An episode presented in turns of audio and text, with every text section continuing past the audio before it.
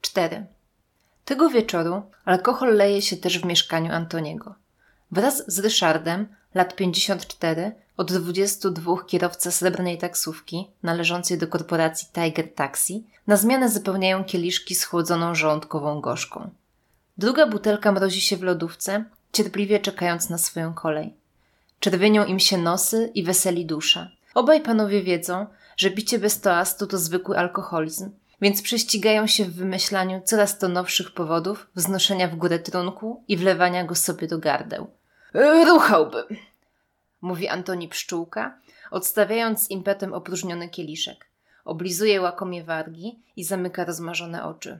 A, a, ale kogo, kogo byś ruchał, Bobek? Pyta go Ryszard z niemałym trudem. Bobek to przezwisko, które towarzyszy Antoniemu już od liceum, a którego używaniu kategorycznie przeciwstawiała się nadzieja. Jego etymologia jest niezwykle prosta. Postura pszczółki zawsze była licha. Był mały, chudy, zgarbiony, dlatego więksi i muskularniejsi chłopcy wyzywali go, podkreślając podobieństwo do króliczych odchodów.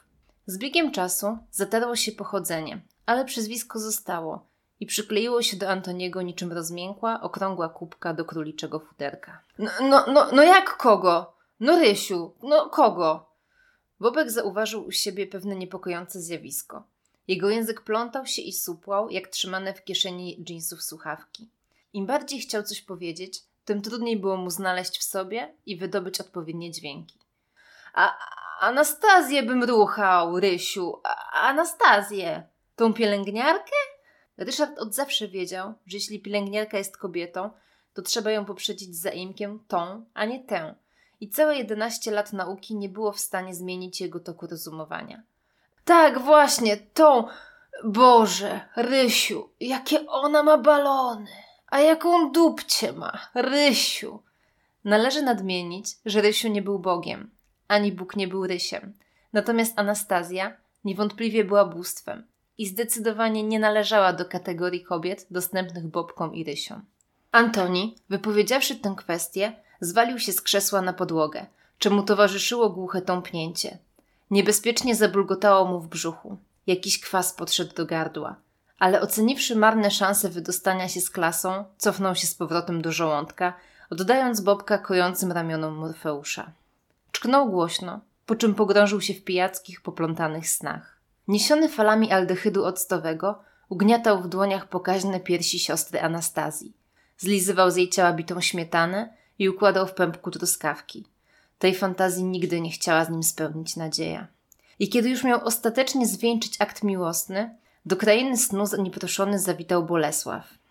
Położył zimną rączkę na ojcowskim ramieniu i powiedział: Chodź, tato, musimy zgasić pożar moim nowym strażackim wozem.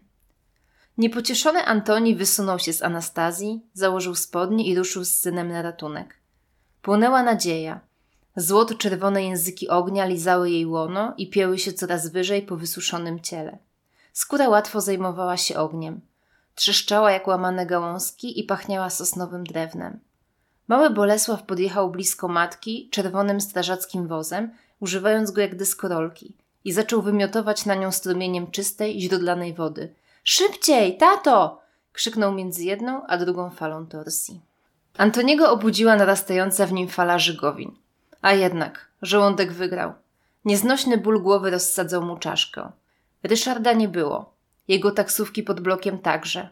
Prawdopodobnie uznał, że jest na tyle trzeźwy, by spokojnie przejechać te dwa kilometry dzielące go od domu. Dochodziła piąta. Szary świt złowrogo mieszał się ze smogiem.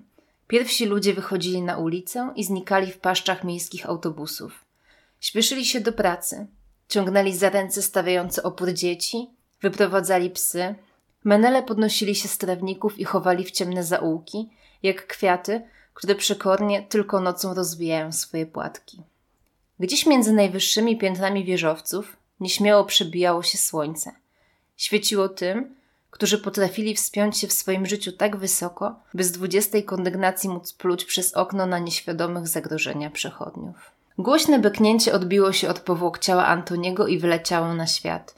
Otworzył okno, by trochę wywietrzyć pokój z oparów poprzedniego wieczoru. To wszystko przez ten cholerny rozwód. Wcześniej prawie nie pił. Nadzieja nie pozwalała mu kupować w pobliskich sklepach jego ulubionego piwa. Wiesz, jak na to mówią?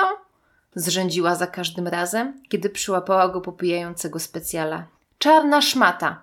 To się nie godzi, żeby mąż prawniczki pił takie siki.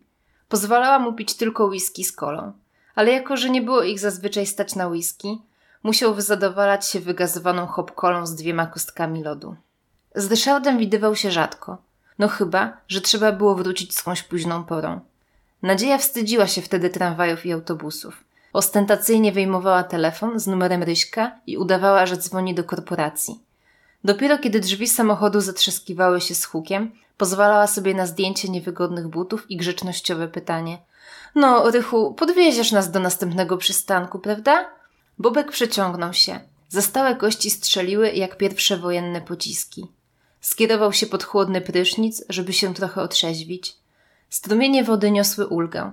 Wziął do ręki twardą szczotkę, namydlił ją i zaczął szorować sflaczałe ciało.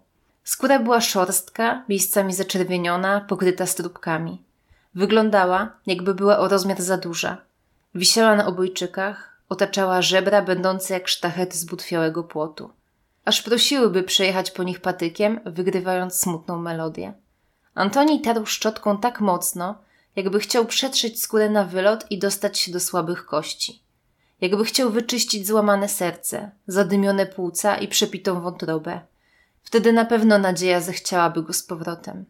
Założyłby ślubny garnitur i znalazł lepszą pracę niż siedzenie w kiosku ruchu i sprzedawanie małolatom papierosów. Szorował więc jak najdokładniej umiał. Między palcami stóp, pod zgięciem kolan, przy kroczu, pod pachami i wzdłuż szyi. Czesał rzadkie włosy zmoczonym grzebykiem i starannie wyznaczał przedziałek. Zaczesywał to, co jeszcze zostało, zgrabnie ukrywając łyse niedoskonałości. Golił się tak, jakby każdy zostawiony włos zwiastować miał nadchodzące nieszczęście. Starannie, raz przy razie kosił chmury pianki do golenia, zostawiając gładkie, pustynne równiny policzków. Potem założył idealnie wyprasowaną koszulę, podkręcił wąs za pomocą specjalnej pomady i mimo wypalającego go od środka kaca wyszedł z domu, by punktualnie otworzyć swój kiosk. 5. Karma również nie spała tej nocy dobrze. Przyśnił jej się ten sam sen co Antoniemu. Nadzieja, płonąca niczym harcerskie ognisko, usypane z suchych gałązek. Kobieta obudziła się spocona i przestraszona. Czarny kocur spał owinięty ciasno wokół jej pulchnej szyi. Znajda sprzed miesiąca, która zdążyła już nabrać trochę ciała i siły. Karma delikatnie zsunęła go z siebie i poczłapała do kuchni napić się wody. Nalała jej sobie ze starego czajnika, a beżowe odłamki kamienia zawirowały wesoło w szklance. Od razu lepiej. To był tylko zły sen, który trzeba teraz odczarować. Posypać solą cztery rogi łóżka i odmówić dwanaście zdrowasiek, po jednej na każdy miesiąc w roku. Ten sposób przekazała jej prababka. Przechodził z pokolenia na pokolenie, chroniąc rodzinę przed całym złem, które chciało przeniknąć ze strony nocnej na stronę dzienną. Szkoda tylko, że nie zdążyła nauczyć go córki. Może lepiej by jej się życie wiodło, gdyby umiała odpędzać senne demony. Ciężkie westchnienie wypełniło pokaźne piersi, po czym opadło delikatnie jak czajnikowy kamień na dno szklanki. Karma nabrała soli w naznaczoną pracą dużą dłoń, a drugą ręką zaczęła zganiać z łóżka rozespane koty. Psik! Poszły stąd! Już! Szybciutko! Koty nie mogą towarzyszyć wypędzaniu duchów, bo jeszcze któryś w kota ucieknie i nieszczęście gotowe. Następnie sypnęła obficie solą w każdy róg prześcieradła i złożyła ręce do modlitwy – Zdrowaś Mario, łaskiś pełna Pan z Tobą, błogosławionaś Ty między niewiastami, błogosławiony owoc żywota Twojego, Jezus. Reszta słów zlała się w jednostajnym mamrotaniu. Karma uwielbiała się modlić, a szczególnie do Matki Boskiej. Rozkoszowała się każdym słowem pacierza i wyobrażała sobie przy nim szczęście rozlewające się na twarzy Najświętszej Panienki. Znała dobrze ból, jaki czuła Maria, widząc śmierć swojego syna, i czuła się przez to szczególnie z nią związana – 16 lat temu to karma wyglądała bezradnie przez okno, pod którym rozciągnięte i nieruchome leżało ciało jej trzyletniego syna. Wyglądał jak ludzik z czerwonej plasteliny, zrzucony przez przypadek ze stołu i przygnieciony kapciem. Wydawał się jej jeszcze mniejszy niż był w rzeczywistości. W pierwszym odruchu miała ochotę skoczyć za nim, ogrzeć małego trupka ciepłem matczynnego ciała i tchnąć w niego z powrotem życie, kosztem swojego. Nie mogła jednak się ruszyć. Coś sparaliżowało jej wszystkie mięśnie. Jakiś krzyk wypełnił ciało i nie był to jej krzyk. Był to odgłos pękającej na pół duszy. Każdy, kto kiedykolwiek go usłyszał, nigdy nie będzie w stanie go zapomnieć. Muzyka, literatura, malarstwo, teatr, sztuka od tysięcy lat na próżno próbuje uchwycić jego istotę. Od tego czasu Najświętsza Panienka stała się karmie najbliższą osobą, kojącym okładem na roztrzaskane serce, plastrem miodu na towarzyszący jej przez całe życie posmak goryczy. Te wszystkie miesiące spędzone w pokoju z metalowym łóżkiem, z oknami zagrodzonymi kratą, za którym tak blisko i zarazem tak daleko rozciągał się zielony park – te lata łykania kolorowych pastylek i słuchania nocnych jęków współtowarzyszy powierzyła właśnie Maryi. To dzięki niej któregoś dnia wyszła poza te przesiąknięte nieszczęściem mury, by od nowa zacząć swoje życie. Po skończonej modlitwie karma z trudem podnosiła się, rozprostowując bolące kolana i opuchnięte nogi. Przychodziła pora karmienia kotów. Niecierpliwie łasiły się, ocierały o miękkie łydki i przyjaźnie mruczały, licząc na to, że w ten sposób zaskarbią sobie sympatię właścicielki i większą ilość karmy. Miseczek było siedem, tyle ile futrzastych pociech wałęsających się po jej niewielkim mieszkaniu. Same znajdy i podrzutki. Dziwnym trafem ścieżki staruszki przebiegały zawsze przez miejsca kocich nieszczęść. Była niczym koci anioł stróż – Ratowała je spod kół samochodów i rozwiązywała foliowe siatki ze ślepymi jeszcze kociakami porzuconymi w okolicy śmietników. Znajdowała zabiedzone pod drzwiami swojego mieszkania i własnym ciałem zasłaniała przed atakiem gnanych instynktem psów. Kiedy już wszystkie koty miały napełnione miski i zaczynały walczyć ze sobą o jedzenie sąsiada, staruszka szykowała śniadanie dla siebie. Zbożowa kawa i dwie kromki chleba z tanim dżemem z dyskontu. Smarowała cienko, żeby słoiczek wystarczył jej na jak najdłużej, bo skromny zasiłek ledwo pozwalał na przeżycie miesiąca. Nie mogła liczyć na pożyczki od sąsiadów. Na jej widok zamykały się wszystkie drzwi na klatce schodowej. Czasem, gdy brakowało jej pieniędzy, zakradała się po zmroku pod śmietniki i wybierała z nich puszki na sprzedaż albo zwrotne butelki, które oddawała do sklepu. Nie były to oczywiście zawrotne kwoty – ale pozwalały na zaopatrzenie się w najtańszą kocią karmę i połówkę chleba. Trzeba przyznać, że karma potrafiła żyć naprawdę skromnie. Ubrań nie wymieniała od bardzo dawna. Nie czuła potrzeby podążania za modą. Poza tym miała wszystko, czego potrzebowała. Kilka par rajstop, długie spódnice, koszulowe bluzki i swetry własnej roboty, bo tylko takie uznawała za wartościowe. Robienie na drutach, oprócz oglądania seriali, było jej ulubioną wieczorną rozrywką. Robiła sobie na kanapie gniazdko z poduszek, co miało też zastosowanie praktyczne, gdyż dzięki temu zabiegowi nie uwierały jej wystające spod obicia sprężyny. Rozsiadała się potem wygodnie, kładąc stopy na stole. To był mały luksus, na który mogła sobie pozwolić. Niczym bilardowe bile toczyły się po podłodze motki włóczki. Rozbrykane koty toczyły o nie walki, pacały łapą i turlały po całym mieszkaniu. Po chwili Cała podłoga pokryta była kolorowymi warkoczami, niczym strzępkami tęczy. Kociogówniana królowa w grubych, wełnianych skarpetach zanosiła się śmiechem. Moje kochane maluchy! Wzdychała, przelewając całą swoją matczyną miłość na bandę roznoszących jej dom futrzaków. Miała tego uczucia aż za dużo.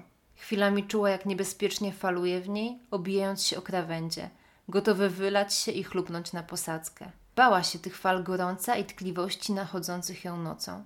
Zasłaniała wtedy obrazek z podobizną świętej panienki, specjalnie przeznaczoną do tego sylwetką, i oddawała się wspomnieniom sierpnia, kiedy pierwszy raz ze Stefanem wybrali się na wczasy do Sopotu. Karmie przypomniało się skrzypienie sprężyn w hotelowym łóżku i piasek wciskający się we wszystkie zakamarki jej jeszcze wtedy jędrnego ciała. Roześmiany Stefan wydmuchiwał jego wtedy z pępka, Całował płaski brzuch, kierując się ku pełnym piersiom. Do tego momentu wystarczało karmie odwagi. Wycierała spoconą twarz, odsłaniała Matkę Boską i szła do kuchni napić się szklanki zimnego mleka. Starsze panie nie powinny snuć takich fantazji, karciła się w myślach. Co było, a nie jest, nie pisze się w rejestr. O, będzie musiała w niedzielę przejść się do spowiedzi, tylko nie do proboszcza. Co mógłby pomyśleć o takiej zbreźnej staruszce? Ale przecież to prawda. Ten sierpień zdarzył się naprawdę i żadna siła nie była w stanie wymazać go z karminej pamięci. Był Stefan o sylwetce młodego boga, zakręconym bujnym czarnym wąsie, ciut odstającym brzuchu, gęstym dywanie porastającym lekko zapadniętą klatkę piersiową, o łydkach cienkich jak potyki parawanu. Były te gwieździste noce, osadzające się gęstym, lepkim powietrzem na czerwonych, spalonych skórach. Były spacery brzegiem zimnego Bałtyku, wycieczka na molo o piątej nad ranem i pocałunki o kolorze wschodzącego słońca. Była zabawa, wrzucanie się wodorostami, piskliwe krzyki. Och, Stefan, Stefan, przestań już! Kiedy przy całej plaży próbował dostać choć trochę tego, na co wciąż miał ochotę.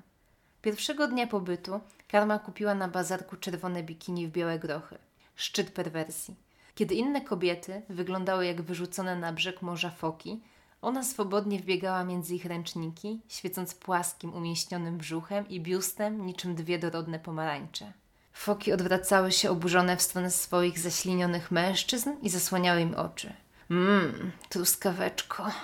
Mruczał dumny jak paw Stefan, obejmując ją ręką i wtulając się w pokaźny biust. Kiedy nocne demony pożądania zostały wygnane, trzeba było jeszcze dla pewności pomodlić się do anioła stróża, żeby nie odbiły się echem w nieprzyzwoitych snach. Po takim śnie karma cały dzień chodziła roztrzęsiona i nawet w kościele czkawką odbijały jej się w głowie nocne obrazy rozebranych ciał i urwanych oddechów. Najczęściej jednak śniły jej się rzeczy zupełnie abstrakcyjne i to była przyjemna odmiana od realnej aż do bólu codzienności. Śniła więc o polach pełnych wschodzących brokułów, o morzach smakujących pomarańczową orężadą, o lataniu między chmurami. Potem cały dzień tajemniczo uśmiechała się do siebie i witała ze wszystkimi sąsiadami, nie zwracając uwagi na to, że nikt nie odpowiadał na jej serdeczne pozdrowienia. Ten dzień był jednak inny. Sen o nadziei, nawet odczarowany solą i modlitwami, nie dawał jej spokoju. Rzadko śniła jej się córka, tak samo rzadko jak ją odwiedzała, a tu dwa takie przypadki jednego tygodnia. To nie może zwiastować niczego dobrego. Cały dzień rzeczy leciały karmie z rąk, przesypywały się przez palce jak plażowy piasek i spadały na posadzkę w milionach kawałków. Kubki, szklanki, talerzyki. Jednego dnia wytłukła sobie połowę zestawy. Przerażone koty zaczęły miauczeć, kiedy tylko brała coś szklanego do ręki. Po kolejnym wypadku usiadła zrezygnowana na stołku i oparła głowę na dłoniach. Miękka skóra drugiego podbródka wlała jej się między palce i utworzyła małą poduszeczkę. Karma omiotła wzrokiem kuchenne pobojowisko i nagle ogromnym ciężarem na pokaźnych piersiach poczuła całą swoją bezsilność. Córka była daleko i nie chciała jej znać. Nigdy nie widziała swojego wnuka. Mąż ułożył sobie nowe życie i nie potrzebował do tego nawet rozwodu. Karminy krzyż, który musiała nieść przez całe życie, przygniatał ją nieraz swoim ciężarem. Przytuliła do piersi jednego z kotów i bezgłośnie załkała w ciepłe, miękkie futro. 6. Bolesław nie był zadowolony, że pobyt w szpitalu dobiegł już końca.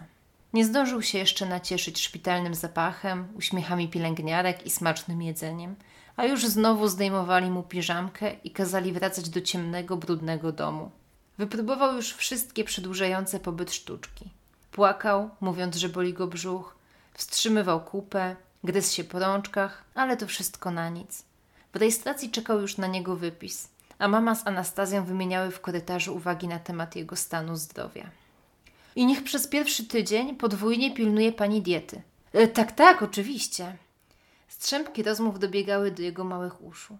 Zniecierpliwiony rozdarł się w niebogłosy, a perfekcyjnie udająca troskę nadzieja natychmiast przybiegła do sali i wzięła go w matczyne objęcia. Już dobrze, malutki. Mamusia zabiera cię do domu. Kupimy ci po drodze jakąś ładną zabaweczkę, tak? Siostra mówi, że byłeś bardzo grzeczny. Mój chłopczyk. Fałsz, jakim ociekały te słowa, ślizgał się po nich i kapał na podłogę. Bolesław dobrze wiedział, że mama też uległa czarowi cud siostry i próbuje zaskarbić sobie jej życzliwość. Zdenerwowany ugryzł mamę z całej siły w ramię, a ona tylko przełknęła bezgłośnie ślinę i zacisnęła wąskie wargi. Bardzo się niecierpliwi, szepnęła do Anastazji. Nic dziwnego, odparła, obdarzając ją jednym z całego katalogu swoich pięknych uśmiechów. Bolesław chciał na pożegnanie przytulić Azię. Próbował nawet wyciągnąć do niej swoje małe, zielonkawe rączki. ale mocny uścisk matki udaremnił te starania.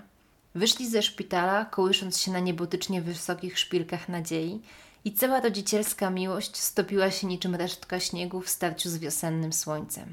Uspokój się, warknęła kobieta, próbując umieścić wierzgającego rączkami i nóżkami Bolesława w foteliku samochodowym. Wcale nie zamierzał ułatwiać mamie tego zadania. Uwielbiał jeździć samochodem i natychmiast w nim zasypiał, ale to nie był wystarczający powód, by dać się do niego wsadzić. Kiedy już przegrał walkę na siłę, dla wyrównania szans zaczął zanosić się głośnym płaczem.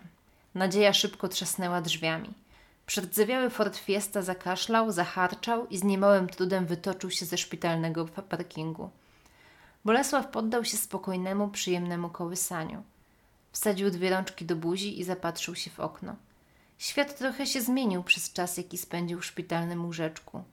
Zazieleniły się drzewa, na trawnikach zakwitły żółte i białe kwiatki. Tak bardzo chciałby, żeby ktoś zabrał go na spacer do parku.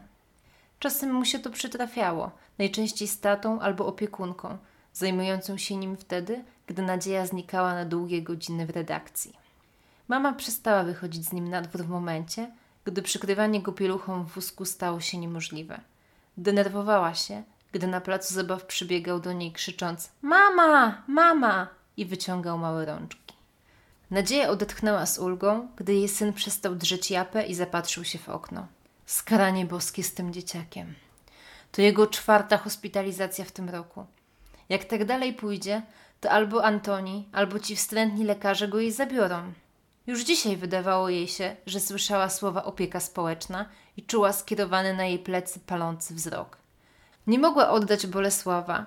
To do końca życia ciągnęłoby się smrodem na jej i tak już mizernej reputacji. Prowadząc, patrzyła z zazdrością na matki zmierzające do parków ze swoimi pięknymi, rumianymi dziećmi. Kobiety były tak szczupłe, jakby nie rodziły, tylko znajdowały noworodki w hodowanej za miastem ekologicznej kapuście. Nowoczesne fit matki wkraczały dumnie na rynek, pchając przed sobą trzykołowe wózki, idealne do joggingu. Dziecko przecież wcale nie jest ograniczeniem w realizowaniu swoich pasji. Nieprzespane noce? To mit. Są specjalne kryjące fluidy i yerbaty dodające energii. Sen jest zbędny. Kto by się nim przejmował? Kiedy Reserve wprowadziła właśnie nową kolekcję dla maluchów, sygnowaną nazwiskiem znanego muzyka. Nadzieja była nawet popatrzeć na tę ubranka. Oglądała miniaturową marynarkę za 109 zł, ale doszła do wniosku, że jej synowi nawet taka inwestycja nie pomogłaby wyglądać przyzwoicie. I choć z zapałem czytała wszystkie modne parentingowe blogi, to bycie nowoczesną matką zdecydowanie przekraczało jej możliwości. Z rozmyślań wyrwał ją dźwięk klaksonu samochodu znajdującego się tuż za nią. Zagapiła się dosłownie na sekundę i nie ruszyła na zielonym. Co pipczysz, kretynie? W dupę sobie wsać ten klakson. Śpieszy ci się gdzieś? Niedorobiony pojeb. Zakleła, nie zwracając najmniejszej uwagi na rozdziewioną buźkę Bolesława. Od razu zrobiło jej się lepiej. Nie będzie jej jakiś debil pouczał, jak ma jeździć. Ona, Nadzieja Sokołowska, pani prawnik, ma prawo jazdy od 18 roku życia i doskonale wie, jak radzić sobie na drodze. Widziałeś go, synu? Jak nie potrafi jeździć, to nie powinien siadać za kierownicą powiedziała gniewnie w stronę Bolesława. Tak, odpowiedział, chcąc przypodobać się matce, buchającej z nosa ogniem, prawie jak smok. Rozbawiła go ta wizja, więc uśmiechnął się do swojego odbicia w szybie. Mały, rozczochrany chłopiec odwzajemnił szczerbaty uśmiech. Mamusia chce ci coś powiedzieć, zaczęła niezdarnie nadzieja, ledwo wyrabiając na zakręcie. Kiedy mówiła o sobie zdrobniale, nigdy nie znaczyło to niczego dobrego. Bolesław doskonale o tym wiedział, że mamusia zazwyczaj wyjeżdża, zostawia go albo ma do niego o coś pretensje. Niedługo będę musiała odejść. To znaczy wyjechać, ale tak na długo, na bardzo długo. I mamusia nie wie, z kim cię wtedy zostawić. Tata? Tata nie, Bolesławie. Absolutnie, kategorycznie nie tata. Musimy ci znaleźć kogoś, kto będzie potrafił się dobrze tobą opiekować kto zadba o Twoje wykształcenie, wychowa Cię na dobrego, grzecznego chłopca. Może będzie miał więcej cierpliwości niż mamusia, bo mi już przy Tobie ręce opadają, synu.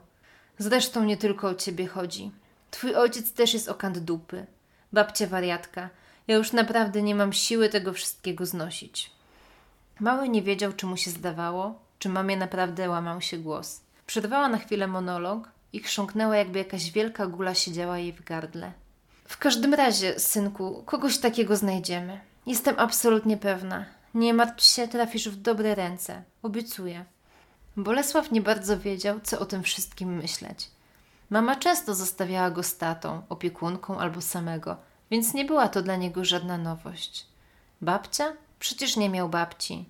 No chyba, że Busia, ale chyba nie mógłby z nią zamieszkać w szpitalu. Mama pojedzie, mama wróci. Nic się takiego nie stanie. Nie będzie żadnej różnicy. Kogo mają szukać? Przecież dobrze sobie razem radzą. Nie jest im potrzebny żaden obcy ktoś. Bolesław umie umyć rączki i wczołgać się do łóżeczka. Już nieraz robił to sam. Umie znaleźć herbatniki w dolnej szafce i napić się wody z wanny. Na pewno da radę. Bla, bla, bla, bla. Powtórzył nadziei wszystkie swoje przemyślenia w chwili, gdy Ford Fiesta zajął swoje miejsce na parkingu.